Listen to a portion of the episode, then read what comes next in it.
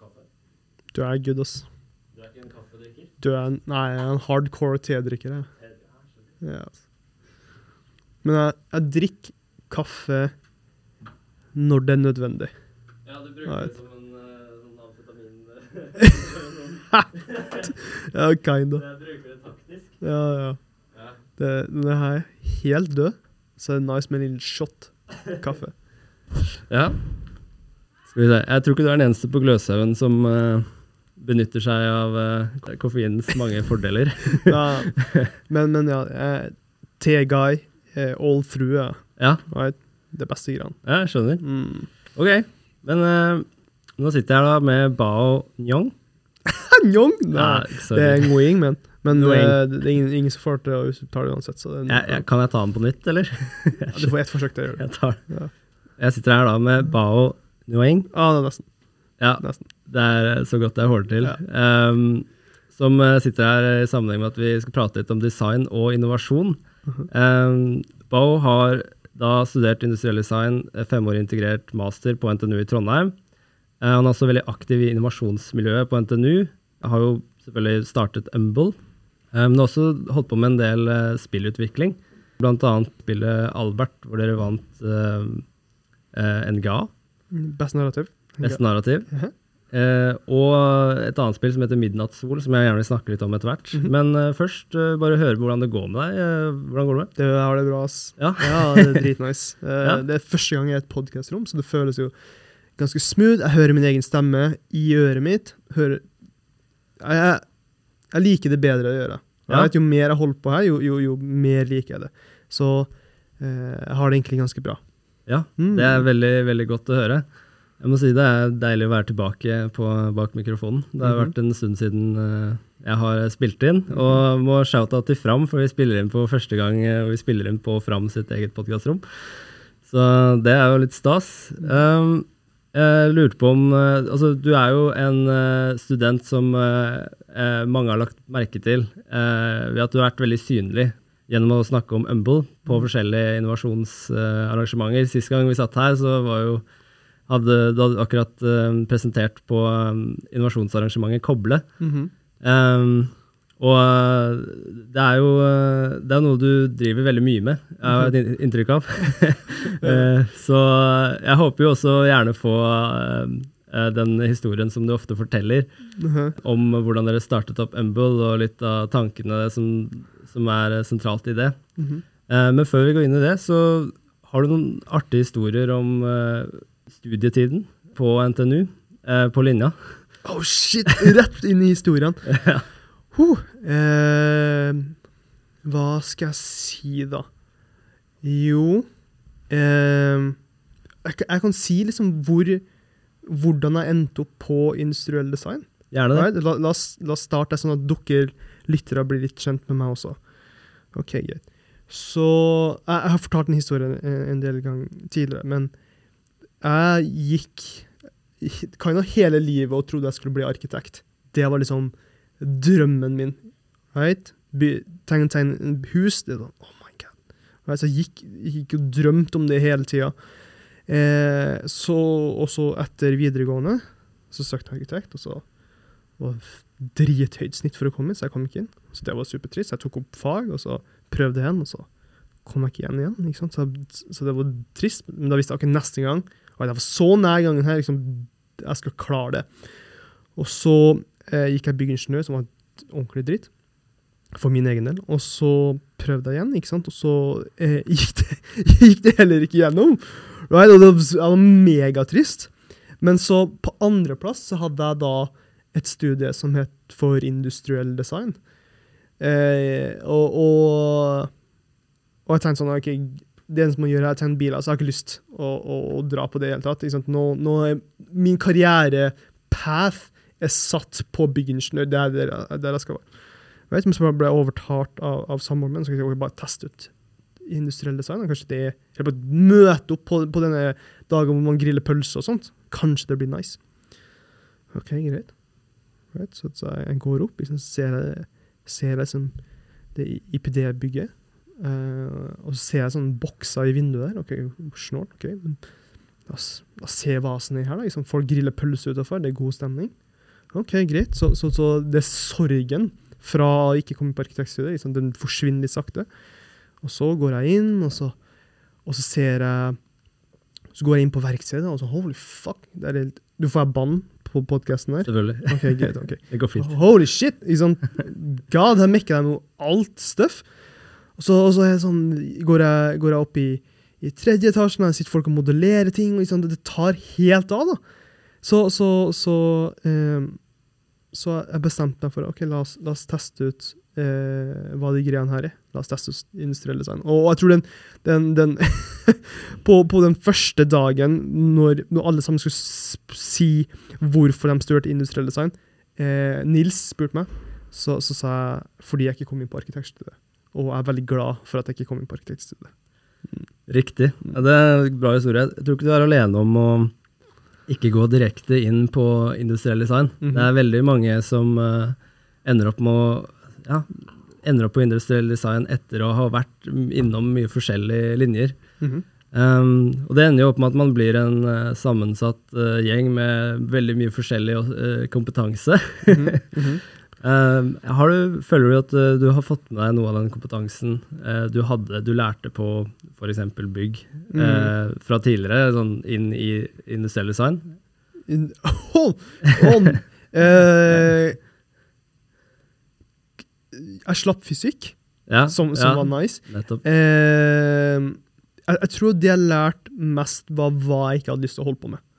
Right? Hver, og og jeg, jeg tror liksom de fleste industridesignere er sånn ok, ikke sant, Matte og fysikk, de tingene der. sant, ting, det, det er liksom, For noen så er det dem, men liksom for mine så var ikke meg i det hele tatt. Så, så det var liksom Hvordan kan jeg putte minst mulig effort i de tingene jeg ikke liker å holde på med, og bruke mest mye effort i de tingene jeg liker å holde på med.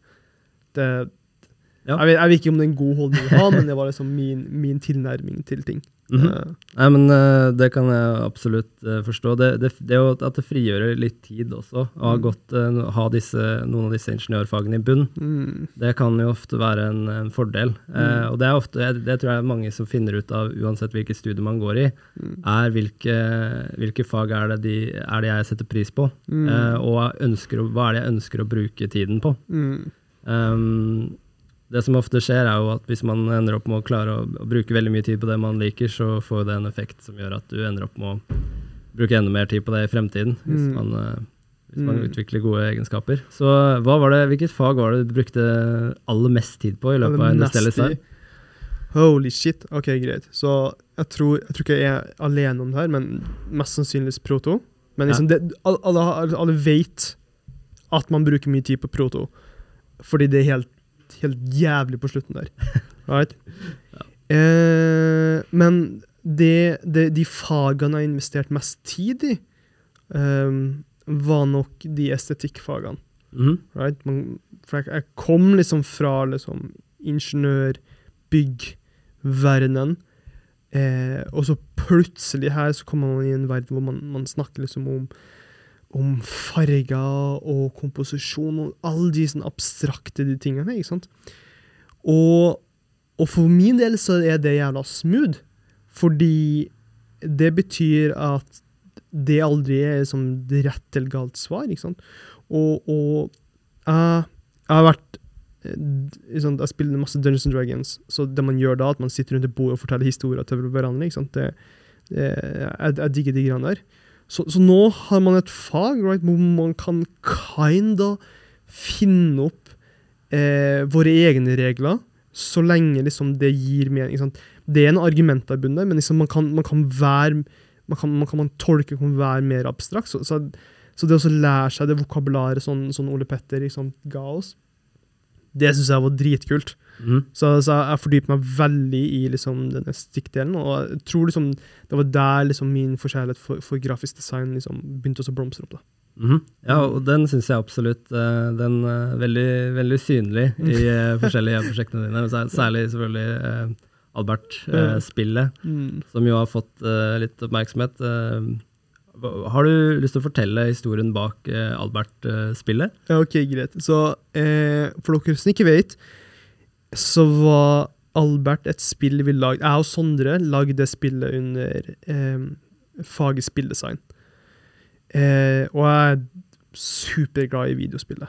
Dritglad. Og, og, og jeg er også glad i, i historie. Altså, vi visste at hvis vi skulle lage et spill, så måtte ha en annen form for historie.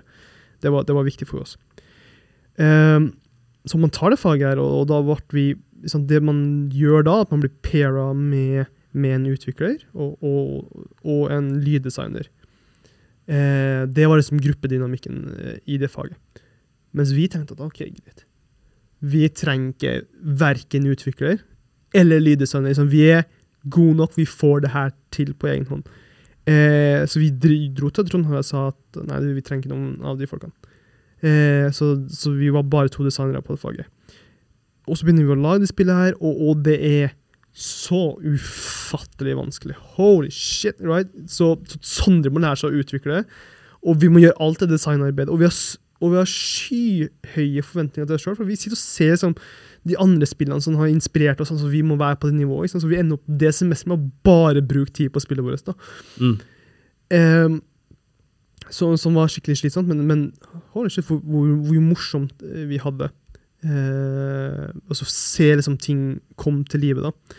Og så på slutten så, så hadde vi da liksom et, et, et, spill som vi følte liksom fungerte ganske bra. Da. Det så bra ut, animasjonen var bra, så skal man liksom ikke begynne å implementere lyd. Right? Så, så, hvor vanskelig kan det her være? Right? Så hvis vi drar på YouTube og søker liksom jump sound effects, så høres det helt jævlig ut når vi implementerer. Altså, oh my god, ok, Lyd var litt vanskelig når vi ja, det. Ok, vi fortsetter. Og så Det lydbildet på det spillet ødela absolutt alt. Det at vi var så arrogant at vi tenkte at eh, vi ikke trenger først utvikler og så lyddesigner, eh, knust spillet vårt. Så, så, så, og nå var det én uke før levering, eh, og spillet vårt eh, for, Vi fikk også feedback på at design, gamedesignen vårt sugde også, eh, fra Trond så der måtte vi også gjøre en, en del jobb. Så, så, med det så føler jeg kanskje liksom, det er en uke med liksom, den, de hardeste dagene på industriell design. Right? Hvis er noe jeg har brukt mest tid, det er spilldesign, ikke proto. Spilldesign. Right. Og så, så, vi kom, vi drar til han som er lærer for musikkteknologi, en, en av lærerne på musikkteknologi, og liksom bønnfaderen sa hey, hva skal vi gjøre? Hva vi holder på med. Right? Og han sier sånn OK, I got you. I got you. Så det her er historien fra hans perspektiv. Okay. Så han sitter på kontoret sitt right? og så tenker han okay, hvordan skal jeg løse det problemet med de to arrogante designerne som sa de ikke trengte en musikkperson på gruppa. Og så randomly så kommer det en dude da på kontoret, en, en førsteårsstudent, som sier eh, Hei, du lager filmmusikk. Og så sier han læreren Oh shit, jeg, jeg kjenner, to, kjenner to folk som trenger musikkstudent, og du kan jo lage eh, litt filmmusikk og sånt. Kan ikke du bare hjelpe dem? Og, ok, greit, greit. Så vi får da en person som heter Sander på, på, på spillet vårt. Eh, førsteårsstudent. Og han bare knuser det.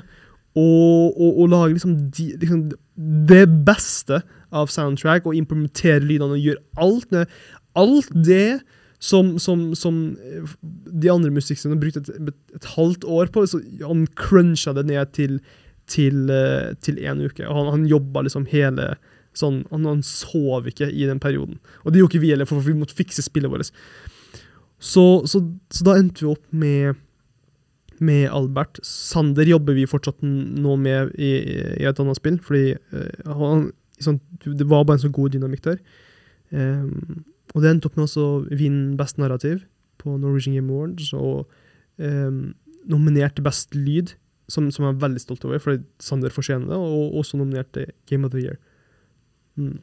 Ja, men Fantastisk. Altså, det blir jo, det er jo, spillet blir jo et sånt resultat av uh, alle, veldig mange detaljer. Mm. Så det blir jo en, uh, en opplevelse. Mm -hmm. Så det er veldig gøy å se når man klarer å alle brikkene faller på plass, og du får, mm. får et uh, tilfredsstillende resultat. Og selvfølgelig oppmerksomhet fra NGA. Det er mm. vel fortjent. Mm. Um, det, det, andre spillet du så vidt nevnte her nå, er det Midnattssol du tenker på? Det? Ja, ja, ja, ja. Ok. Så det her er også, hold dere fast, folkens, det her er en annen ganske eh, snål historie. Ok. Så har nettopp sånn, Jeg tror det var rundt perioden hvor vi helt på avslutta Design 9. Og, og, vi hadde liksom gjort ferdig Albert, så det var ganske nice ikke sant? å spille seg inn. Det er ting jeg gira på. Eh, og så får jeg, får jeg sendt det over til min kollega Tobias. Hei, du. Eh, Sametinget sant, gir støtte til spill. Hvis man søker. Ok, greit. Jeg er ikke samisk, men jeg kan jo lage spill. Og, og, Eller jeg kan halvveis å lage spill. Jeg har, jeg har, noen ideer. Jeg kan tegne bitte litt. Så, så, vi sender inn en søknad til Sametinget. Eh, og så har vi noen konsertskisser, og det gikk veldig fort å få det her sammen. Og så, og så, søkte vi, og så tenkte jeg ikke så mye mer på det.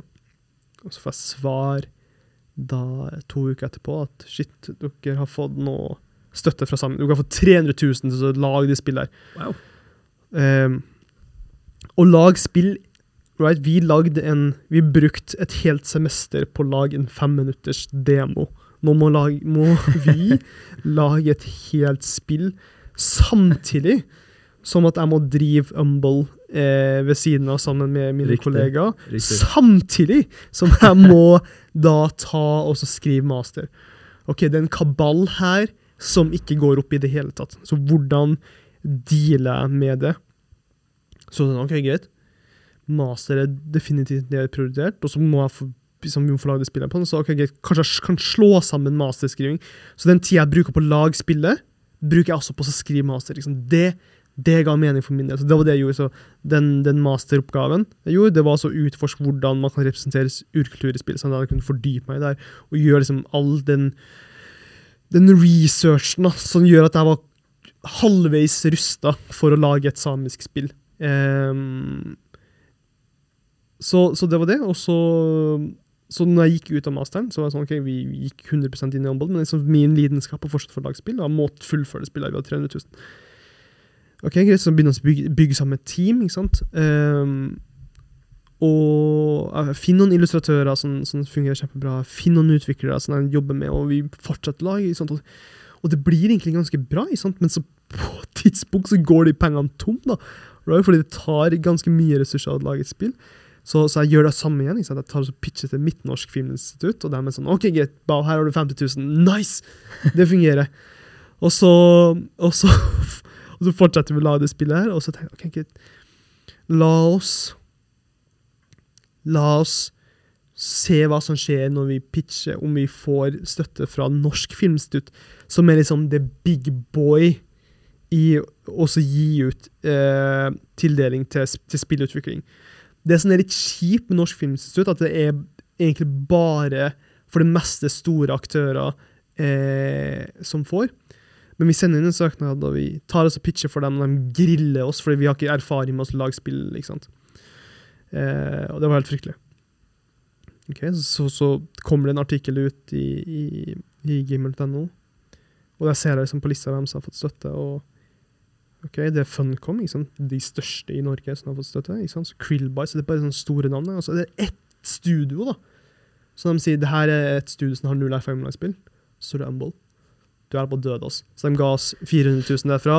Eh, og da hadde vi egentlig bildene til å få fullført det spillet her. Så det er det jeg skal ta og gjøre i sommer. Fantastisk. Mm. Kan ikke vente til å oppleve de resultatene der. Nei, det blir nice.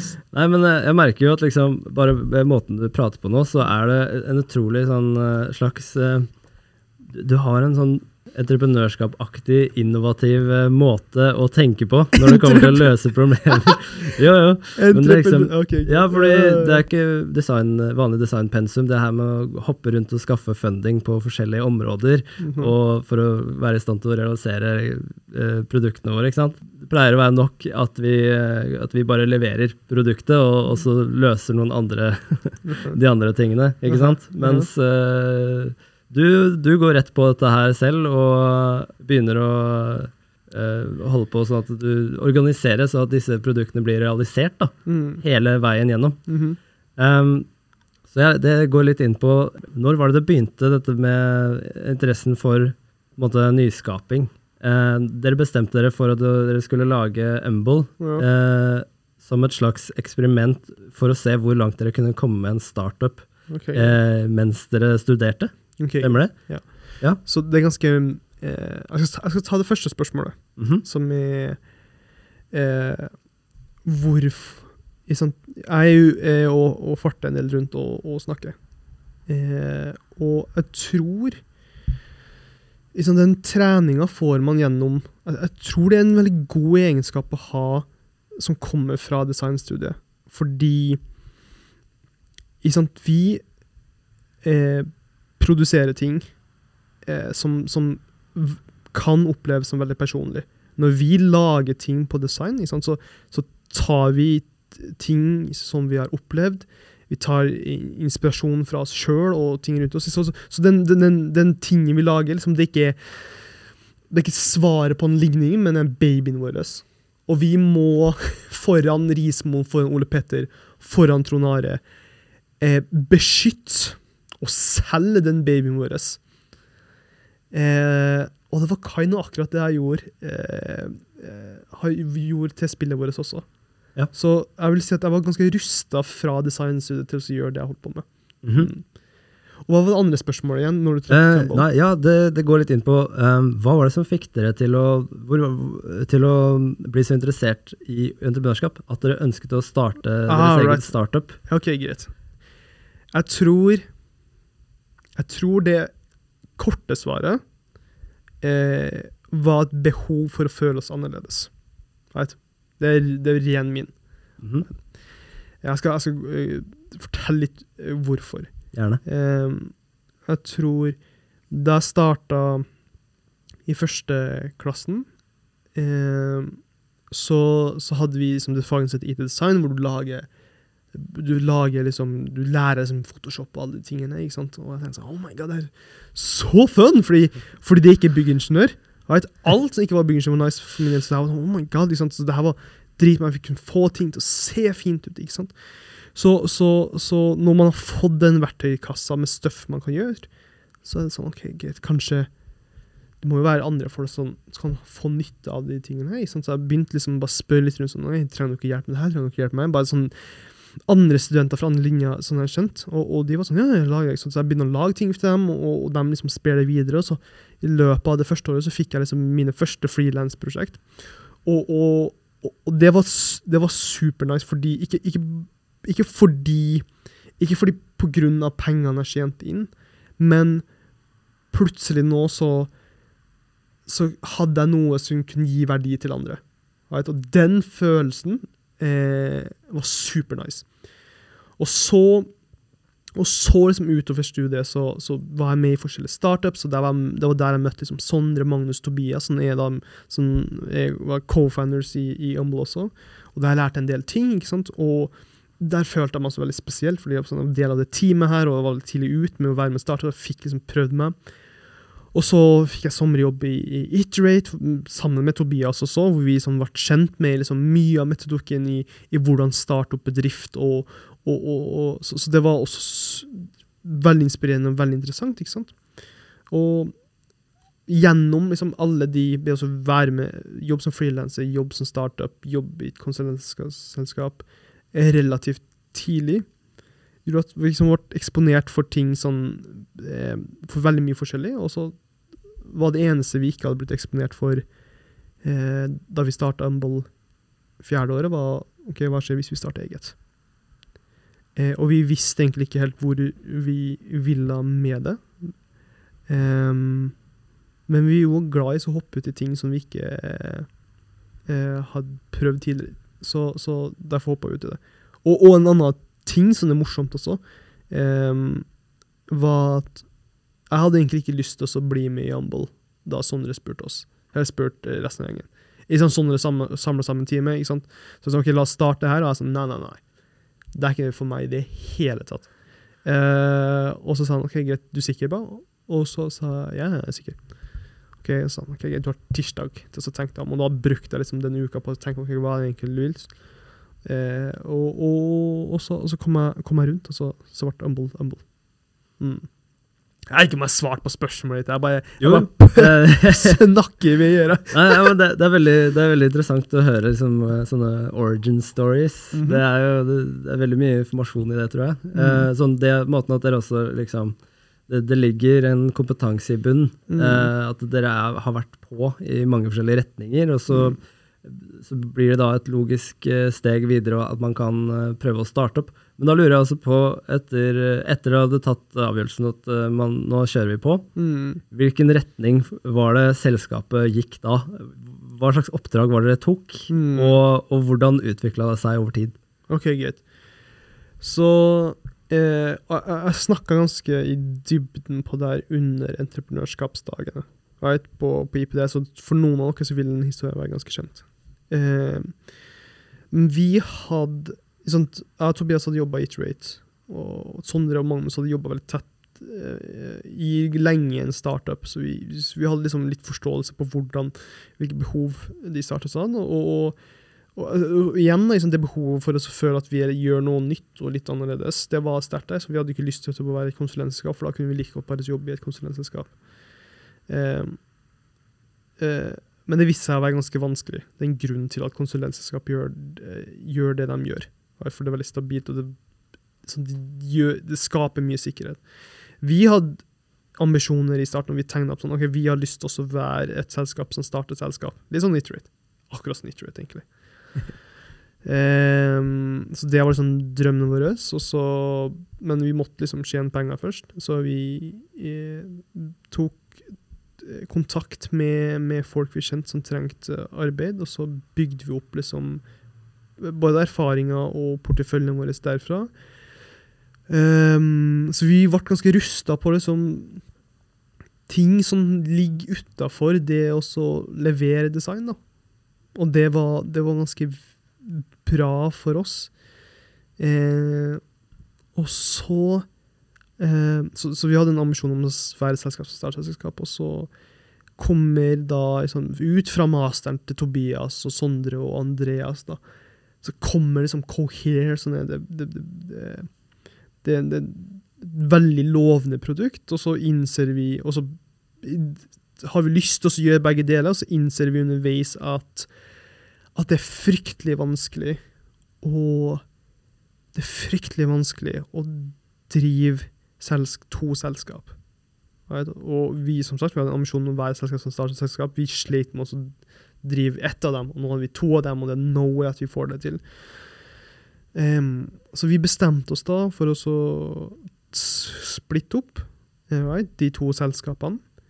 Og, og jeg har Tobias og Magnus fokusert på å drive eh, Humble. Og det vi gjorde da, i en ganske lang periode, var å lage rene nettsider. Det betyr at folk liksom kommer til oss og så sier «Ei, de vil ha nettside, så lager vi nettsida. Liksom, man man, gjør mye av det på designstudiet, så sånn, vi følte oss ganske komfortable med det her. Um, men det var store kunder vi jobba med, uh, og ting tok uh, tid, og liksom, de kunne bare komme og si at vi kunne gjøre det ene eller det andre. Og, og, uh, og så liksom, hadde vi ingen pondus i det hele. Så det var derfra vi bestemte oss okay, vi la oss lære oss forretningsutvikling og entreprenørskap. Fordi det gjør at man får Man begynner å se på design litt annerledes. At, sånn, du vet, man, man blir drilla inn at sånn brukerbehov eh, er det eneste. Men hvis man kun snakker om brukerbehov i alle samtaler man har med kunden, så, og de ikke forstår verdien av det, så, så, så må man prøve å møtes i midten på noen måte. og Der tror jeg forretningsutvikling og entreprenørskap kommer veldig til nytte. Mhm. Eh, og når man er god, liksom når man begynner å bli bedre på forretningsutvikling og entreprenørskap, så gir det veldig mening å jobbe med de, sånn, de selskapene som har veldig sterkt behov for det. Og det er jo de som liksom er, er litt, var litt i samme situasjon som oss, liksom, hadde lyst på å starte noe eget. Og da kan det der vi, vi endte opp med å jobbe veldig mye med startups og scaleups. Mm. Mm. Ja, for jeg er veldig nysgjerrig på Jeg har jo fått med filosofien uh, som er sentral der, uh, hvor, uh, hvor det er, tanken er at dere, vil øn dere ønsker å eh, hjelpe startups med å bli uavhengig av deres hjelp. Ja. Ja. Eh, og det er jo det er en uh, veldig interessant uh, filosofi å ha. Uh -huh, uh -huh. For det gjør jo at det behovet for dere forsvinner Mm. eh, på, på sikt. Men, eh, men jeg, jeg er nysgjerrig på eh, Nå var du inne på det her med uh, brukeropplevelsen, som jo er liksom står veldig nært designernes uh, verdi, som vi Mm. tilbyr masse forskjellige typer kunder i masse forskjellige bransjer. Mm. Eh, men da lurer jeg på om eh, for startups, Mm. Hvilke paralleller fins det mellom på en måte designtenking og det med å starte bedrifter? Hva er det de ofte får, eh, får hjelp med som, eh, som, de, eh, altså som er, har stor verdi for de da, mm. innen designtjenester som dere tilbyr? OK, greit. Ja, ok, greit. Så, så spørsmålet er hva, hva er det vi ofte hjelper startups med? Yes. Ehm, I tidlig fase, ofte, så, så er det sånn Folk har en, en eller annen en, en gründer har en eller annen idé som de brenner for. Eller har opplevd Oi, ok, her er et, et markedsbehov. Et, et eller annet sånt. Og så eh, og så får de med seg noen utviklere til å bygge det produktet her, og så de har en stor visjon om hvordan de skal få det til, og så har de henta litt penger. Det, det er smooth. Så de, de, kommer seg, og så trenger de noen til å få ting til å se fint ut. Så de har hørt litt om design thinking, som regel. Så de vet altså at brukerbehov og mapping av brukerflytter er, er ganske viktig. Så de, de vil ha hjelp med akkurat de greiene der. Så vi tar ofte en, en prat med dem da, og i prosessen med å prøve å forstå hva de holder på med, og hvorfor det de holder på med er viktig, sånn, vi stiller bare spørsmål. Jeg er ikke så teknisk god av meg, men, men, men jeg kan, jeg kan jeg, kan i hvert fall være dum i de møtene, liksom, til prøve å forstå hva de holder på med, og hvem som egentlig har lyst på det, på de holder, eh, driver på med. Eh, så det, det, det handler egentlig bare om å skape liksom, klarhet. Og, og, og når det skjer, så, så vet man litt hva man skal løse. Og det kan være da det er også det er også eh, styrke hvordan de snakker om seg sjøl. At liksom um, Gjør det bare lettere for dem også å selge produktet sitt. Eller liksom å sette dem i um, ta så faktisk gjennomføre intervjuer med brukerne deres en, eh, og strukturere dataen deres. Og, og prøve å konkretisere det til en eller annen løsning. Eller så bare hjelp, eh, hjelp utviklerne med å snakke med hverandre. Vi gjør litt, litt av alt, for vi har eh, vi har litt sånn uni, litt forskjellig kompetanse i Jumble. Right? Og, og, så jeg vet ikke om jeg har svart på spørsmålet mitt, men vi, vi prøver også å hjelpe bedriftene med å forstå liksom hva de trenger. Mhm. Og så spiller det ikke noen rolle om vi løser det eller ikke. Mhm. Vi har, det har vært flere eh, ganger hvor vi har bare sendt de andre plasser fordi vi er ikke den beste fitten deres. Mm. Og det, igjen, liksom, det går til å prøve å selge nye bedrifter fra, fra oss. Eller sette i kontakt med studenter sånn, sånn, hvor de kan få mye mer penger, mye mer verdi for de pengene de har tilgjengelig. Og så kan vi heller veilede dem når, på sikt. Mhm. Så, Ja, nei, det virker som at uh, jeg syns at uh, konseptet gir veldig mening, i form Mm. av at uh, også eh, designprosessen ligger ganske tett, på det med kvalitetssikring av, eh, av produktet ditt. mhm. Eh, finne ut om altså det, er- Jeg vil anta at mange som ønsker å starte opp bedrifter, har ideer som de er veldig engasjert i. Mm. Og da er det Da, ser jeg, jeg ser poenget med å passe på å Altså, jo tidligere du kan undersøke om uh, den etterspørselen fins Mm. eh, på det produktet du har, og ikke minst om produktet er, løser uh, oppgaven sin på en god måte, om det er et faktisk behov, om, om produktet fungerer Mm.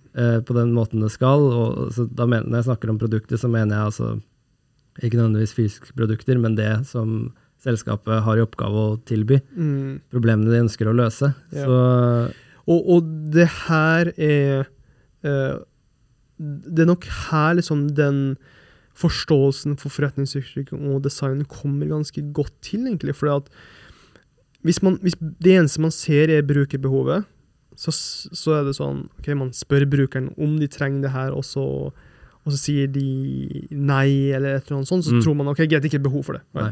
Men, men det, sånn, det, er, det, må, det er mulighet å skape behov ved, an- ved andre måter. Ikke sant? Ved, å, ved, ved å trekke liksom, ting fra entreprenørskap og sånt. Også, så, det å kombinere gjør at man har veldig mange eh, måter å se om det er et behov der.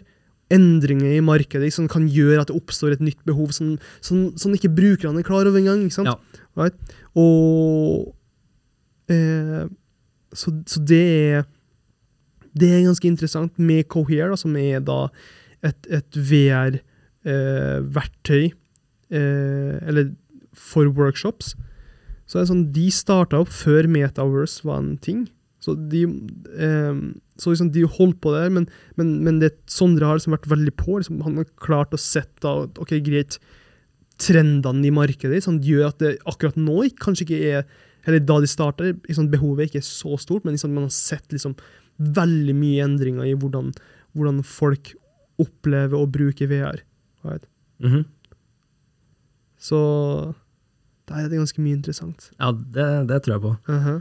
Jeg tenkte også på det, det, det du sa nå med at eh, eh, brukerne vet ikke selv eh, hva de vil ha. Eh, vi snakket litt med noen arkitekter eh, om noe lignende, en lignende situasjon hvor vi snakket om eh, digitalisering eh, og sånn parametris parametrisering av eh, bygninger. da. Mhm. For du har jo sånne store selskaper som Spacemaker og sånn, har du hørt om de? Mhm. De driver og lager sånn eh, programvare hvor eh, det er eh, enklere å Altså, du putter alle kravene til hvor tykk en vegg skal være og alt mulig sånn, inn i en eh, algoritme, og så skal brukeren selv kunne tilpasse ganske enkelt. Eller jeg tror det er egentlig Det blir jo fort eh, folk i byggebransjen som skal bygge store leiligheter, eh, hvor eh, interiøret i leilighetene vil være ganske likt. Men, eh, men så snakket vi om hva skjer etter hvert når hvis du tillater en eller annen programvare hvor eh, eh, brukeren selv kunne designe sitt eget hus, da,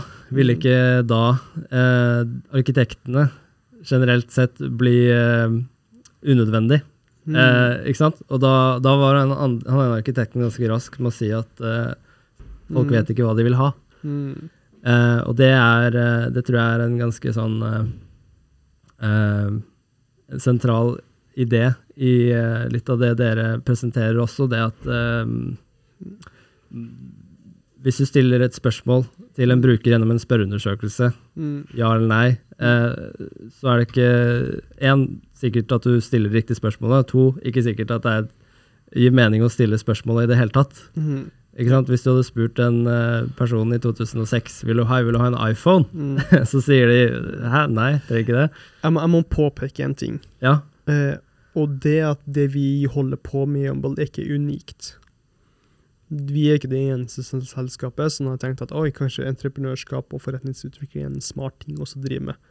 Det er veldig veldig mange andre selskap som gjør det samme. Mhm.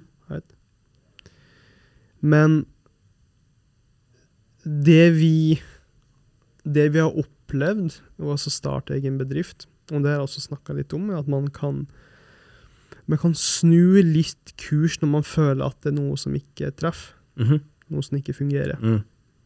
Ikke vi, vi kunne ha blitt et rent nettsidebyrå, eh, men vi var ikke så keen på mye nettsider, så vi begynte å si nei til nettsideprosjekt, og så fikk vi andre prosjekt. Right? Og akkurat nå så sånn, har det fungert veldig bra ved å kombinere entreprenørskap og design. Og vi snakker veldig åpent om at det er her vi holder på med. Så, så, så hos mange, når man tenker entreprenørskap og design, i hodene deres så tenker dere òg okay, kanskje er en av de selskapene som gjør akkurat det. Eh, og det jeg har lyst til å komme fram til, er bare sånn det er sånn, Den fleksibiliteten, og det er hvorfor vi fortsatt holder på med Umball og ikke har gått til andre selskap, er for at man har så ufattelig kontroll på hva man holder på med. Eh, og når jeg ser tilbake på studiet mitt, så jeg, har jeg alltid prøvd å unngått eh, de fagene. Shout-out til, Design 4, noen skal mekke knagg. Og jeg har unngått fag og brukt lite tid på fag på de, de tingene jeg ikke liker å holde på med. Og prøv å overlappe liksom, jobb med det, som, det jeg brenner for. Og det, liksom, det er der liksom, alle de spillene kommer fra. Og med en gang vi merker at ok, nå er ikke vi motivert de, de jeg, de jeg starta med, med en gang vi ikke er motivert for det jeg holder på med, så ok, greit, la oss se til andre ting. Hva er det som, hva, er det som, hva, hva annet er det som finnes der? Så Humble akkurat nå er, er liksom sant, entreprenørskap kombinert med design er, har vært veldig drivende for oss right, som metodikk. Og så har vi funnet ut at okay, vi har lyst til å selvstendiggjøre bedrifter fra konsulenter. For vi, det, er så, det er så lag legoklosser som andre kan leke seg med, gir oss så mye mer enn at vi skal leke med de legoklossene sjøl. Mm -hmm. Og så vet vi ikke, liksom ikke helt hvor, hvor, veien videre men det er jo det som er jævla spennende. Mm -hmm. mm. Ja, men uh, jeg tror absolutt det Altså, dere ønsker å skape verdi for uh, de startup dere hjelper. Mm. Eh, kontrasten der er jo i så fall liksom, eh, konsulentselskaper som har en interessekonflikt med kundene sine, i at altså, konsulentselskapet lever av å fakturere timer. Så nei, det er veldig kult. Jeg må jo eh, stille et spørsmål som sikkert veldig mange andre lurer på, mm. som er litt urelatert, mm. eh, når det kommer til Emble. Mm. Hva er greia med markene? Ja, for dere som hører på, eh, og, og, som ikke vet, så, så på nettsida vår så har vi liksom eh, det høres supersnålt ut hvis du ikke har vært på Dra på ammo.no. right? ja. så, så har vi sånn marker på, mm. på, på nettsida vår som dukker opp, og de har samme De har fjes som, som vi har. Right? Alle i, i Umball har liksom sin egen Umball-mark. Og en del av de, de, an, de, eh, kundene våre som vi er veldig glad i, har også får da sin egen mark. Nubble-mark. Eh, den ideen kom eh, Jeg tror vi satt på Habitat, eller Work Work, og vi prøvde liksom å Da, da, hadde, da hadde, jeg og Tobias hadde liksom, vi, vi var kind ansvarlige for å prøve å finne ut en grafisk profil for, for Umble. Som var dritvanskelig, for at man, man er i fire designere som veldig, har veldig sterke meninger om hva vi syns er bra eller ikke, så man prøver å finne ut det. Og det oh, oh, my god! Det er så hardt. Men eh, så, så, vi har fått liksom Vi hadde kommet med en del konsept som ble liksom forkasta, og, og, vi var egentlig ganske sliten. Fordi vi, vi klarte ikke å bli enige om noe som helst. Og så og det, du, det er ikke, Jeg har ikke sagt det her til de andre i Umble, hvor den markideen kommer fra. Men så det her er første gang dere får the origin story uh, av de markene. Um, som kid, right? det er som seks-sju år, så, så, var jeg obsessed med å tegne marker. Um, så jeg spilte et spill som heter Worms, som hadde masse marker. Og jeg, jeg, jeg, jeg tegna de overalt. Hele tida. Right? Eh, 20 år fram i tid sitter vi på, på WorkWork og liksom prøver å få ut noe konsept. ikke sant? Og så ser jeg, så ser jeg Sondre. Han sitter ved siden av meg. Så jeg tar opp iPaden tar jeg et bilde av den. Sondre hater å bli tatt bilde av, men jeg bryr meg ikke. Og så tar jeg liksom og tegner fjeset hans, og så putter jeg på en sånn markkropp på han. Og vi tenkte oh my god, det, er ikke det her det her føles litt annerledes. Det her føles jævlig snålt. Det er litt ubehagelig å se på, men det går fint. OK, greit. For vi hadde sett på de andre konsulentselskap som vi var kind of i konkurranse med. Og da var det liksom Det ser veldig bra ut, ting ser veldig profesjonelt ut. Det er sånn konsulent, litt det er sånn konsulenter skal være. Og vi visste at hvis vi skal konkurrere med dem, så må vi være litt annerledes. Så OK, greit. Jeg tegner sånn som mark. Oh my god, det så dritnice ut. Ok, jeg tegner, prøver med Magnus også. Oi, my god, det så skikkelig kult ut. Og så, og jeg meg sjøl, og det var litt kleint, men det gikk også fint. Og så kommer Tobias, ikke sant, som var dritvanskelig å tegne, men da jeg fikk til han, så var det sånn Oh, shit. Du, nå, nå, nå har vi det. Så, vi tegnet, så jeg tegnet de markene her, og de ble liksom eh, Vi putta dem på visittkortet vårt, og, sånt, men, og, og det var sykt smooth. Og så kommer da Tobias sånn Hei, Bao. Se hva jeg mekka. Og så er det en sånn eh, Jeg vet ikke helt hva det heter, men en sånn de bare dukker opp liksom fra bakken når du hovrer over dem på nettsida vår. Ok, god damn! Nå, der, der er Humble. Eh, så, så det var sånn det starta, egentlig. Det ligger rett og slett langt Det går langt tilbake. Det går langt tilbake. gjør det. Fantastisk å få en sånn origin story her rett på poden. podden. Det, det gjør seg veldig bra. Jeg tenker vi kan lage sånn lite klipp av eh, rett før du avslører den store hemmeligheten her. Så kan vi få folk litt nysgjerrig. Nei, men eh, nei, jeg syns det- de er veldig morsomme. Jeg må innrømme, Første gang jeg var på den nettsiden, så, så jeg, jeg ble værende en stund på forsiden bare for å se hva som skjedde med disse, disse eh, markene. Det, Ja, ja, ja. det er som en sånn uh, whack-a-mole, Ja, whack-a-mole, vet du. Right. Ja. Det er, vet du. ikke sant? Og, og en annen morsom ting med de markene liksom, Vi, vi, vi syns jo det var eh, liksom, Det er jo ganske tidkrevende å tegne de markene, men jeg har fått det som en sånn teknikk når jeg tegner dem. Men det, det, liksom, vi måtte jo tegne Vi hadde jo lyst til å tegne overraske kundene våre eh, med de markene der. Og det var det er vanskelig, for da må vi da må vi stalke dem på Instagram og Facebook og alt for å få liksom, riktige bilder av dem. Ja. Og det er fryktelig vanskelig, det. Og det, det, det, det blir liksom, liksom Det blir nesten litt ubehagelig, for vi, vi, må, liksom, vi må finne riktige bilder, så vi greier veldig. da. Right? Riktig. Eh, og, og, så det tok en del tid, men liksom, kundene våre satte veldig pris på det. Eh, og så jobba vi jo med Kron Kronprinsparets fond. Eh, så vi tenkte sånn Oh my god, ok, skal vi få en kronprinsmark nå? Hva er det her? Skjer det her? Right? Eh, så, så etter vi har gjort det prosjektet, så, så spør vi da Ikke kronprinsen sjøl, men sånn de som er PR-ansvarlige. Riktig, riktig. Yo. Kan vi mekke en mark av kronprinsen? Ikke sant? Og de sier 'hæ?' Og så må jeg begynne å forklare det. Nei, du, du, liksom, vi, vi, vi har de markene som vi tegner av kundene våre. Og de sier 'absolutt ikke'. Oi! Nei, nettopp. Nettopp.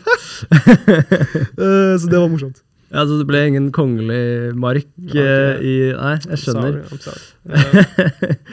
Nei, ehm, jeg er helt sikker på at hvis du hadde spurt litt høyere opp i systemet her, så ville du nok eh, gått gjennom. kanskje. Nei, jeg, jeg kan se for meg at det er en interessant problemstilling. Sånn, en, en utfordring i seg selv er å, snakke, å liksom, lage en eh, mark av en person med de personlige trekkene. Men når du skal lage en mark av et selskap, Mm. så blir det vel eh, ja, en andre, litt andre type detaljer, og det blir en, rett og slett en omfattende prosess å fange uh, selskapets identitet. Ja, I en mark. Så, så vi tar enkeltpersonene, jo, Mm. når vi tar selskapene. Men Ja, det er bare Vi må jo stalke dem på, på Facebook for å få liksom, de riktige bildene. Ja, nettopp. Så, men ja. Det er bare, det er bare vanskelig prosess. Ja, det, det, det tror jeg på. Tror jeg på. Ja, um, da lurer jeg på om uh, vi har kommet til det punktet i podkasten hvor uh, skal spørre om du har noen, uh, noen råd, noen gode råd å gi til eh, studenter som fortsatt studerer eh, design. Ok. ok. Så um, det er vanskelig, da. Fordi jeg kinda Det er sånn ett år siden jeg gikk ut av industrialisens. så jeg tenker, Hvor mye ha, mer kan jeg enn dukker? Eh, men hvis det er én ting liksom jeg har sett eh, på Så liksom jeg har reflektert tilbake på, liksom sånn, sånn som er kind og liksom det viktigste jeg har lært fra designstudiet. Liksom, det er ikke det fokuset på brukerbehovet. Det er ikke, det er ikke å snakke, kommunisere abstrakte ting på en forståelig måte. Det er ikke å lage mockups eller figma de tingene der. Det, det jeg gjorde første året, da jeg var grafisk designer, var å lage en del logoer. Og det man Når man lager sånn, Det er ikke store greier. Right? En liten, ubetydelig ting. Men jeg fikk et par oppdrag hvor man, noen små selskap måtte lage logoer til. Og når man viser dem den logoen, så, eh, som førsteårsstudent, så plutselig går de fra å se på seg sjøl som et i sånn, OK, greit, det her er ikke et seriøst, jeg tør ikke å satse på bedriften min, til å begynne å tenke holy shit. Det, er sånn Wow, OK, greit, shit, nå føles det ut som jeg satser på det jeg holder på med. Det føles ut som, som, som jeg gjør noe ordentlig. Og det tror jeg liksom er det viktigste vi gjør som designere. Jeg, tror jeg, jeg har ikke hørt så veldig mange snakke om det, men det å, å få folk til å se på seg sjøl på en helt ny måte. Når man lager en Figma mockup til noen, right? de har tenkt lenge på den ideen, og vi plutselig klarer liksom å ta de abstrakte tankene de har, og få det ned fysisk på, på, eh, på, skjermen, så begynner de å se på seg sjøl på en helt annen måte. Og de blir motivert på en helt annen måte. Når man intervjuer folk, eh, så føler de seg plutselig man, man, kan se hvor, at de er litt nervøse i starten, og så føler de at de er ekspertene i rommet. Så de begynner å se på seg sjøl på en helt annen måte. Og hvis, når de ser på seg sjøl på en annen måte, så vil de gjøre ting på en annen måte også. Sånn, de vil motiveres til å kunne gjøre en endring. Så når i alle fag, hvis, alle fag designstudentene har, alle fag dere har, se Prøv å være oppmerksom på det øyeblikket hvor du kan se at folk begynner å se på seg sjøl litt annerledes. Eh, for det vil være en veldig sterk driver for dere, og dere vil få veldig mye ut av eh, personlig av å føle at dere kan gi på den måten der.